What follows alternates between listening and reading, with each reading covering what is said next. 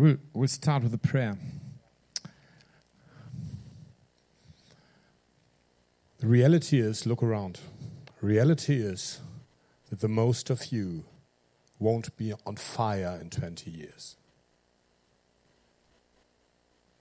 Reality is that the most of you won't be on fire in 20 years. That's why often older generation is not so on fire because fire might go down. And the trouble with all this is it's up to me. It's up to me. And I would like to start this last session with a prayer where honestly, and only pray this prayer if you're really courageous.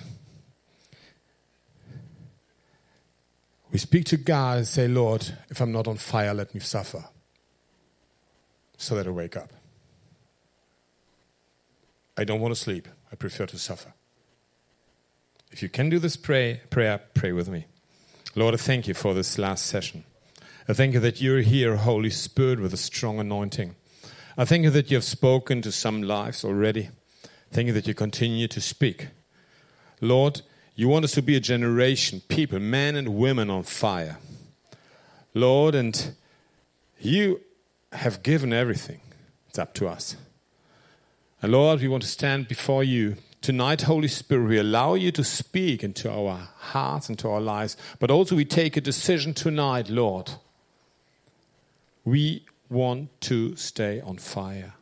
And I pray in the name of Jesus that whenever I fall asleep in my spiritual life, let me suffer. Don't allow that I fall asleep. Let me suffer so that I wake up again that I turn to you, that I cry out, that I continue to run. I pray in Jesus' name. Amen. Thank you, courageous people. Sit down, please. I was 20, actually, I was 24 years when I came as a missionary to Marseille with my wife, Britta, and already four children. I will never forget, I came to this first pastors' meeting. This were not many, this was like seven pastors or eight pastors. And I came to this meeting and I was sitting there, far the youngest. I think the next youngest was like 50. And, um, and so everyone was staring at me. And no one was smiling. And I was disturbing just by my presence. And so they said, Who allowed you to come? And I said, God. But who sent you? God. Why do you come to Marseille? I said, Oh, I heard it's revival place. And they started laughing. They said, Here in Marseille, revival? No way, there's no revival. There's more place to die. I said, Oh, sorry, I heard it's a revival place. No, man, you're young, you don't understand the thing. It's, it's tough here. Oh, but I'm sure that it's a place of revival. And so it continues like this for a few minutes. And then just one moment, there was this one pastor who was just, I think he was just fed up with me. And so he said, Why do you say all the time that this is a revival place? Who told you that this is a revival? I said, God. And why is there a revival? And I said, Because I'm here now. and I said to them, Because I promise you, I will never fall asleep. I don't know if I see thousands of people finding, finding Christ, but I promise you one thing I will never fall asleep. So now we're 27 years later. Still, people think that one day I will calm down. And still, I say, no way. But reality is that the most of our young leaders fall asleep. Latest, when they are well married, have some children, and a nice house to live. And tonight I would like to, to preach, I call my preaching, What Are You Looking Like? And it's, it's about intellectual deformation in which we easily can come. But it starts with, with this wonderful call, the great commission of God that Joe said already yesterday, spoke yesterday about, that God is calling us to make the difference in the world, that God is calling us to train people, that God has equipped us to do it, that nothing has changed. God is still loving this world, that He's sending every one of us towards this world. And so you go around and you look into this world, and you think, man, God, how can you love this world? And he says, I love this world. And it says it loves the world, the cosmos. It's not only the mankind, but everything that mankind does, even. It's horrible. You think, man, I go into place, I don't like it, but God loves it. I think, wow, amazing. Don't know how he does it. But he has equipped us. And he has gave, given us this power so that we can continue. But the question is how can we stay online?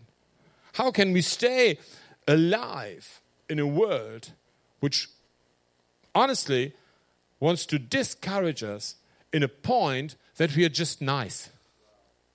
That we're just nice. We make out of evangelism good contacts. We, we are happy when people smiling at us, and we don't expect even that they find accept Jesus. We, we are happy that people allow us to pray for them. We don't expect even that they might be healed. So we, we, we we got the, the level down. And I remember I was, I was 15 years old when I, for first time in my life, turned to Jesus. And I was in this Lutheran church and I started reading the Bible, came to the Acts of the Apostles, and I said, wow, this is amazing. After Jesus, it continues. I just thought Jesus came and I saw the churches and I thought, it's finished. Can't be the same anymore. And then I read in the, in the Acts of the Apostle, it continues. So I went to the pastor. I said, Hey, pastor, did you read already the Bible? And he said, Yes, I'm the pastor. I said, Great. Did you read the Acts of the Apostles? He said, Yes. I said, Isn't it amazing? The power is still there. And he looked very sadly to me and said, Hey, yeah, I'm really sorry to give you this information, but this time is finished. This were the apostolic times, and today we don't have this anymore.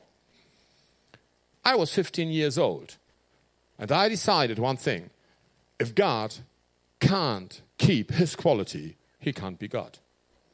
I went out of church, I became a hooligan, went into a gang, till God got me again. And that's why I said in the first session, my big question was not with my wife, is Jesus existing? My big question was are Christians existing? And for one year, I went from church to church to church just to find out is there the love of Jesus, the power of Jesus? For one year, we didn't find it. So I was a bit more muscled at this time. And so I went into these churches and I was, I was provocative. Up to today, I am. So I went in at this type of church where no one sits in the first row. Yeah? The second, some, so it fills up from the back. And so I was going like to the pastor, hey, sitting on his side. He wasn't used to this, saying, hey, guy, that's great here. Love your place. And so he is already quite intimidated. And so then, then the service started, and he's looking for the for the, the, the security guys to protect him because there's a strange Björn coming. And and then he went to the pulpit and said, Oh, I'll start preaching. Yeah, let's open the Bible. And when he started opening Bible, I got my cigarettes out and I smoked a cigarette. And, uh, and he was so shocked, so they were shocked because it was often, more often. And every time this church has put me out. I was not a person to love. I was too different. And the big question is what are the people we really can love? I wasn't lovable.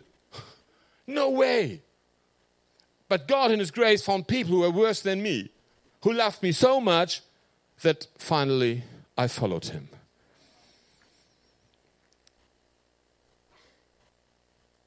I said about intellectual deformation, spoke about because we are in churches today, and so we think levels of quality which are not the levels of God. God has a high quality standard, not a low. And I don't want to be a leader who gives the impression to those who, who see me that God cut down his quality. Don't want this. I don't want this. So I was, was thinking about, about one thing. I, I saw a video, I will show this in a, in, in, in, in a bit, um, about a lion, lions. So I don't know if you ever went into the internet about lion. I, I, I made like a research on how dangerous is a lion. And you can see these videos. Oh, they're really horrible, these videos. Because, like, the lions attack men. And you don't control a lion. This is just a, a wild animal. This animal is dangerous. And I don't know what is your idea of a lion, but one thing is for sure a lion is not a cuddle cat. I don't know if you have at your home like a wild lion. You come in and say, hey, great, hi, lion, how are you? And you just hope that he's not hungry. But then I saw this video, and let's, let's look this video. It's a video out of a zoo in Argentina. You find it in Buenos Aires. Look this. There are these wonderful lions, and people come in. They, they can just stay with the lions. They can make photos with the lions. Isn't it incredible? So, so my big question when I saw this video, man, how do you get there to, to make this that the lion is just nice? Look this, and, the, and, and it's even worse. The zoo is known for this in the entire world. That you can go there to have a cuddle cat, which calls a lion. So they get in, they make photos, they, they sit on the line, and the lion just, they don't react. They don't react. It's incredible. So I would have never imagined. It's that they don't dress as lions. Actually, they don't make special training with them. Have you ever seen this? Would you do it? Honestly? Uh-huh. No, uh, no way. I wouldn't do it. Okay, you can, you can cut it off. The, the question is, why? Look at this. She goes up there. Why does this line allow these people to come as close? Why? You know what is the answer? There are two reasons. The first of the three reasons is that the lion thinks he's a dog. The lion thinks he's a dog. Actually, from their very young age on, they are dressed like dogs with dogs. So he thinks I'm a dog. I'm just a big dog. So he doesn't see anything else than dog behavior. He sees that dogs are nice, dogs are following. You can, you can take time with dogs, you can be very tender with dogs. Dogs show you love. They, dogs are dogs. Who is a dog? No one? Ah. Have you ever thought that your dog might be a lion? No way, huh? Yeah. So, so, so this line, they think they're dogs. The second reason why they are like this is they aren't hungry. They're just never hungry. They feed them so much. From the very early morning to the very late night, they are never hungry. And this is what I mean with intellectual deformation. If I don't know who, am I, who I am, and if I'm not anymore hungry, I wouldn't be on fire anymore. If I don't know that I'm created by God to make the difference in this world, do you know, honestly, do you know that you're created by God to make the difference in this world? I'm pretty sure you say amen. Okay. Who of you is baptized in the Holy Spirit? Okay. Second question Who of you is a Pentecostal or charismatic? Okay, what does it mean being a Pentecostal charismatic? Some say it's speaking in tongues. I say no. No way. This is one thing. Being a charismatic and Pentecostal means you say see at least, at least monthly a miracle. At least. Because otherwise, you're nothing else than a dog looking like a lion. The real question is, the real question is, do I live the quality of God? Or do I try to make God into my image, making him small? I am called to follow my God, and I am made in his image. So, can we imagine that Jesus goes around not healing? Can we imagine that Jesus goes around not changing lives? Can we imagine Jesus not going around calling people out? So the question is if we can't imagine this, why don't we do it? Because we are his followers. We are doing and want to do what Jesus did. What did he do? He called people out, he trained people, and he set people free. He healed them. So we have the same authority. And in theory, we all know this. The question is, are we doing it? Because if you don't do it, we won't stay on fire. We won't stay on fire. God wants to bring us to a point where we live so strong, His power, His reality of life, that we can't deny anymore a radical lifestyle. He wants to bring us to this point. And honestly, the people we are leading, they're waiting that we are leaders who live this out. I've, I have some churches, some friends, some pastors, they say, Björn, I'm really sorry. I would love to invite you again to our church, but I can't do this too often because you bring us to these terrible decisions. I prefer to have a nice church, not a Björn church. We say all the time in our church, we don't want to have chair heaters. We don't want to have Christians just sitting in church just to be in church. We want to see believers who bring out Jesus into the streets, into the houses, into the neighborhoods. We want to see the difference. We want to take them along to make them grow, to see these miracles. So the lion thinks he's a dog. What do you think you are? What do you think you are? You know what shows what do you think you, what you are? The reality of your life not your idea. You might say great biblical things. You might be able to quote great Bible verses. But you know that the Bible doesn't serve anything if it's not lived out. The Bible doesn't serve anything if it's not lived out. And so, this is the way how I can stay on fire, living it out. So, this means I have to do steps in faith. And steps in faith, what does it mean? We have perhaps a theory, we have learned Hebrew, Yes, we know all the Bible verses. Yes. But that's not the point. Doing steps in faith means making things which makes me afraid. I'm afraid of the steps, afraid of these decisions. Should I really change my life? Should I stop my job? Should I really do a different training? Should I do something like this? I'm a father of five children. Only one of my children finished school. Sorry. Why? Because I don't believe in studies. I believe in God and in God's plan. So the first question to my children was, What is God's plan in your life? And perhaps the result might be studies. But seek first the kingdom of God.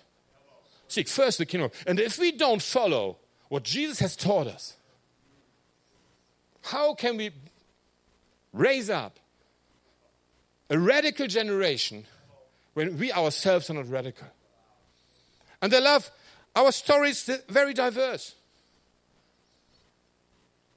Our children, they're all in ministry.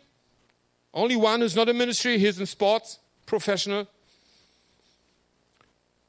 And they took decisions.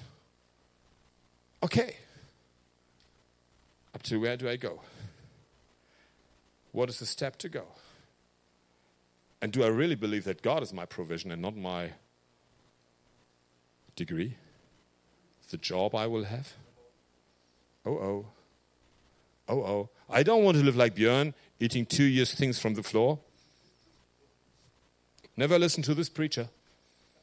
He's not giving the good news, he's giving the dirty news.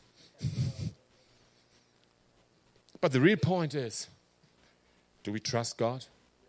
Do we trust really God in all things He's doing? So, I'm not a dog. And the question is are you hungry? So, what is the hunger you have for God? What, is, what do you want to see? When I ask you now, I won't do this. But what is the subject for the subject you're ready to lay down your life. This means to die. what is the subject? What is the subject? I was often in North Africa, Algeria, Tunisia. Three times police took me to jail just by sharing gospel in Islamic world. And I was just very cool because I knew oh, was tourism. They would get me out, however long I'm in. So it, it was never too long. But the point is, I shut my mouth because I'm not allowed? Or it's a security reason? Or whatever? Or do I open my mouth because I believe I can't? I can't do it in another way than opening my mouth. I can't be a dog, I'm a lion. I can't be a cuddle cat when I'm called to be a radical believer, following Jesus, making the difference in this world, turning this world, like it says, upside down. Are you ready to turn this world upside down? Make the difference. When God called us into Marseille, like you heard, we were a young family, four children, 24 years. There's, there's no life experience. And God said, Go to the old neighborhood. It was the poorest neighborhood of France, first point. It was one of the most dangerous of France, second point. I had gang life in the past. I knew I would meet gangs. And suddenly I was the leader of the gang of the Christians. Yeah, come on. And this is, you, you, to tell you something, this didn't mean just being nice and praying for the people. Yes, smiling from time to time, but when you are with a real gang in front of you, there are weapons. If you react badly, they cut you direct here. And they cut you direct here not only when you're saying bad things, also when you say nothing. This is horrible. But one thing was on the ground of this, it was the, on the base of this, this was the Word of God. It's only what God speaks into your life which allows you to go over the top. But I have a bad news for you. Some can cope with so much pressure, some with so much, others with so much. This is not the question. The good news is God brings you to your limit. Wherever it is. Wherever it is. So when you're a leader, we heard this already, I think. When you're a leader, there comes the point where you don't want anymore. You say, I can't anymore. I'm off. And then God comes and says, No problem. I know you will be back in. Because you made this prayer in Copenhagen. I make you suffer. because it says in the word that through suffering, He will make us perfect. Oh, don't like this verse. Took it out of my Bible. but it's reality. If we allow God to show us, to show us how to stay online, He will do it. And He had to do it with me. So, one of my former pastors of our home church, he said, Björn, you have a very special anointing. So, thank you. I was really encouraged. I said, What is my anointing? He said, You're a pit bull. Those are nice. I don't like pit bulls, first point. Yeah. I said, I said, Why do you say I'm a pit bull? He said, You don't understand when I tell you something nicely. You need this, what you call it, when the, the, the color which really, when you, when you pour on it, it, it it's really uh, choke, whatever. I don't know. So, so you can only control a pit bull with, with violence. And so on the other side, I said, and he said, but the positive thing is a pit bull, once he has something in his mouth, he grabs something, he doesn't let go. So the question today do you want to be a cuddle cat or a pit bull? When you grab one, something you have understood of the Lord, of the kingdom of God, you don't let go. I have a good testimony of my, my oldest daughter, Daya. Daya, she is amazing. Daya, she was nine years old. So to give you just the, the overall plan, seven years was suffering in our neighborhood. They, 15 times they've emptied our house. They burnt our cars. They tried everything that we leave the neighborhood again. And, um, and when our daughter was nine years old, she was violated sexually in the streets to humble us and to tell us we have to leave. And so you're there as a, as a servant of God, Holy Spirit, power, we love you all. And they just destroy your child. And you think, or I thought, okay, they can empty my houses, no problem. They can steal everything I have, they can burn my cars, I don't care. But God, can't you protect my children? Nine years old. And the only thing what we could do, crying, screaming by pain, but also praying for our daughter. She fell. First time that I saw someone falling in its time, trembling for 25 minutes on the floor, standing up, smiling. We were still crying. And we said, Dia, what happened? She said, I met Jesus. Nine years old. I met Jesus. And he healed me. We went to the doctor, totally healed. And he showed me my life. I said, Dia, what did he, what did he show you? She said, nine years old. Mom, Dad, I'm really sorry to tell you this. With 16, I will leave home. I will go to Bible college. I won't finish school. I will meet my husband, and we get married when we are 18 and then we take over your ministry. oh, yeah. Wonderful. So, my daughter, 12 years old, I got a school call. Oh, Mr. Lütke, we have to speak with you about your daughter. We are in trouble. I think, oh no, come on, not this again. And so I came to this committee 12 people. 12 people from school, doctors, everything. And they said, Mr. Lütke, we are in trouble with your daughter. She's so intelligent. But imagine she wants to serve God and we can't allow this. And I said, Hey, wonderful. She is still online. Wonderful, three years later. So when she turned 15 and she finished ninth grade in, in France, then you, you switch over to the next level.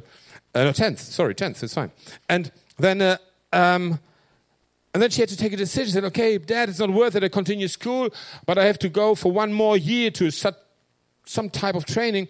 So I do a job training, and then I go to Bible school. Okay. So she went to Bible school, opening service, Bible school. She didn't listen to the preacher. She was looking for a husband. Yeah, wonderful. So two weeks later, she, after the service, she came to me and said, Dad, I found two guys. I said, How? What, what? You found two guys? Yeah, I like them think one of them will be my husband. Okay, come on.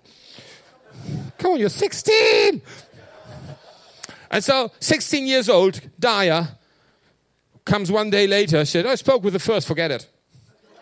It's the other one. Okay, whew, calm down. You know, in this Bible school, no relationships. No relationships in Bible school, not good. Boo. Yeah. And and so for one year, I had to go had to go regular to Germany to Bible school to speak with the leadership, because my daughter wanted to find a husband. And two weeks later, actually, she was in the cafeteria of the Bible school, and there was this second guy coming in, and she was just staring at him, and so and so he was he felt very very very um, yeah he didn't feel so good. so he said, see, she, so, so he turned to Dia and said, What are you staring at me? Do you want to marry me or what? And she said, Yes. And so one and a half years later, they got married. And then, then on January, they took over our ministry, actually.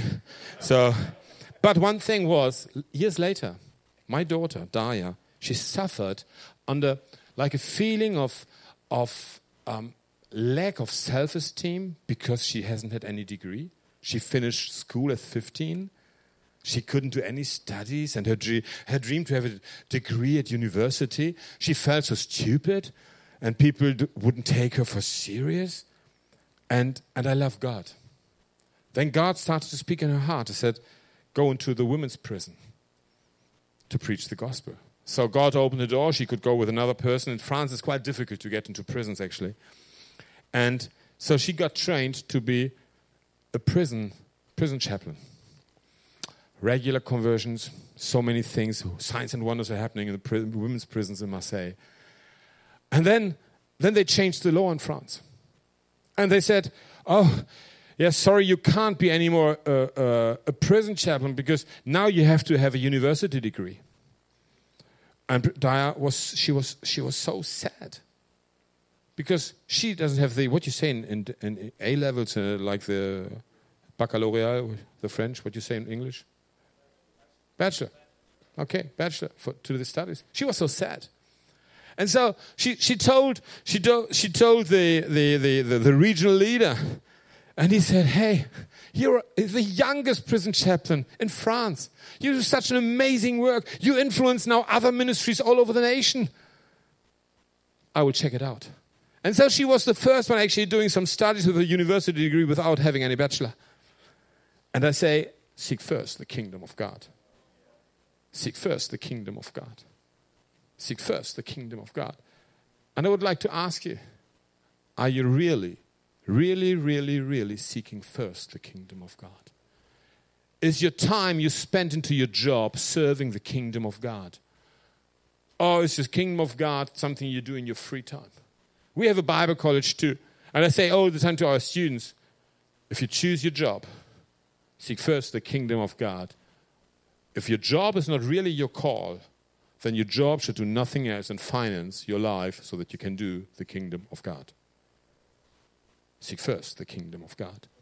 And this is intellectual deformation if we don't function like this.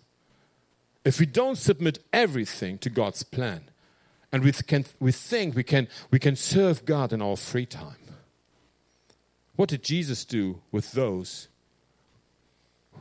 whom he asked to follow him? And those who said, ah, just not so good, just have something to do. He went on. He went on. Friends, he went on. Do you know something? Jesus still went on, goes on. He, still he still goes on. He's in front of us and says, Make a decision, take a decision in your life, a radical decision, follow me. And you say, Yeah, but I just have this great job, just got a good promotion, just have this and that. Not possible. We just have a kid, we just have this and that. And what does Jesus say? We think he says, Oh, it's no problem, I still love you. But what he really says is nothing, he goes on. Because the Bible doesn't give us any other testimony. The Bible gives us only the testimony that those he's calling who are not following, we will never hear of them a second time. Are you ready? Are you ready to take decisions in your life? God might give you a second chance. He gave me a second chance that I found him again. But I couldn't count on this. I don't want to play with the call of God. A good friend of mine, an elderly pastor, over 70, one day he was stood in front of me and he was crying. I said, Hey, what's going on? Jean Rene was his, his name. He said, What's going on, Jean Rene? I said, I'm, I'm so shocked. And he spoke about pastors. I said, I'm so shocked about how, how, how these pastors live their call. This is not serious. And then he says one phrase which changed my life in tears. He stood in front of me and said, Björn, don't they understand that our calling is a holy calling? Don't we understand? We're not just leaders, we have a holy calling because He is a holy God. And there is no good reason to give not to follow the holy calling. There is no good reason. Because we are not made to be dogs. We are made to be lions. We are made to be what we were made for. And there are moments where we don't understand. And we need the Word of God really carrying us through. Because in the times of suffering, the only thing which stays is the Word of God. When God has spoken to me when I was young, that in this year my life will change, believe me something, one and a half years it took me, the last one and a half years, to let go. I had to work on my heart. I knew something radical had to be. Everyone told me, Hope you're now 50, you're in the best age, you have the maturity, you have the experience. You can't give it on to these young people. They will blow it up. And all the time the enemy says, They will blow it up, they will blow it up, they will blow it up. And I believe they might blow it up. As I remember, we had this meeting in the 1st of January where we passed it on. And I said to this young generation, I only tell you one thing I allow you to blow it up. Otherwise, I kill you. I allow you to blow it up. But then there I was, totally desperate. I had to find out the new radical decision. I had to seek God and say, God, what is the next step to go in faith? Which means, what's the question which makes me tremble? What is the decision to take which changes my life? And God came. And God came. He prepared this over the whole last year with different words. And suddenly, on the 4th of January, I find myself leading the Israel ministry of our Pentecostal movement with one call creating a church planting movement in Israel. Send me to the Arab world, I preach the gospel. I take the Quran, I preach you Jesus. We plant Arab churches, no problem. I'm not afraid of them. Send me in whatever town, let's plant churches, but never send me to the Jew. I'm German. Don't you know that this doesn't work? Me as German coming, telling them I want to plant a church planting movement here, actually, in Israel. You are Jews, I'm German, I think we fit together.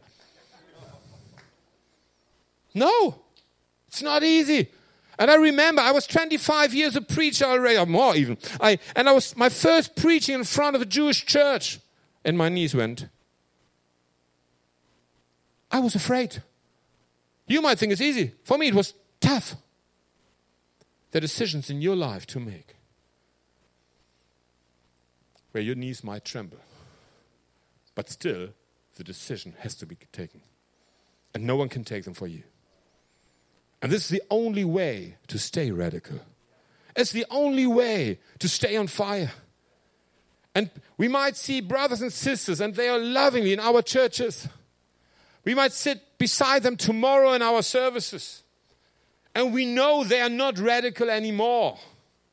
Because one day or the other, they have taken the decision not to tremble anymore. And we love them. But the question is what do I see for my life? What do I see for my life? What do I see for my life? Romans 12, 2. And let not your behavior be like that of this world, but be changed and made new in mind, so that by experience you may have knowledge of the good and pleasing and complete purpose of God.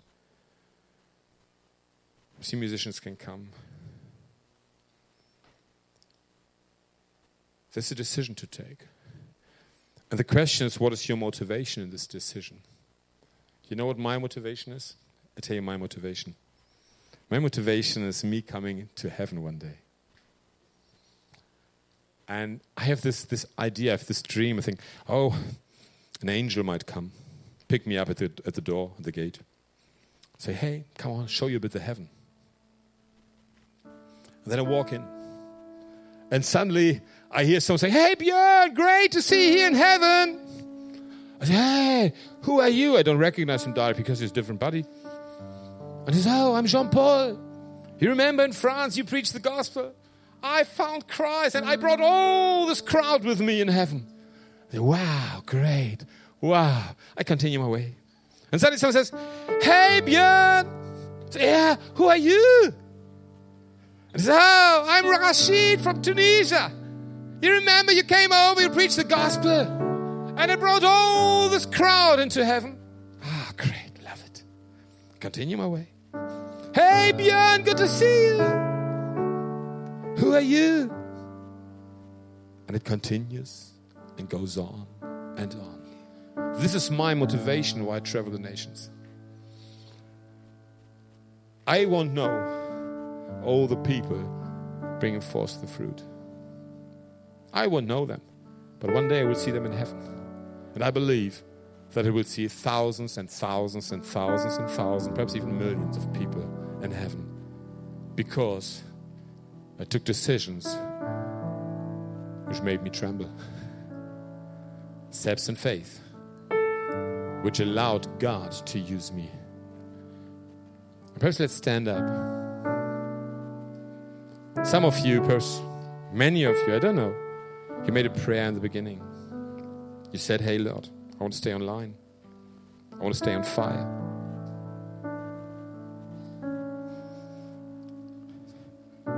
But like with everything, everything starts with a start. It's a deep truth. Everything starts with a start. Everything begins in the beginning. It's as deep. And the beginning is a decision. And I believe that some of you here, I walked on your foot. You felt in one moment or the other, not so nice. You felt that I pushed you to a decision. And you know that this is right to take these decisions. But it still, needs courage.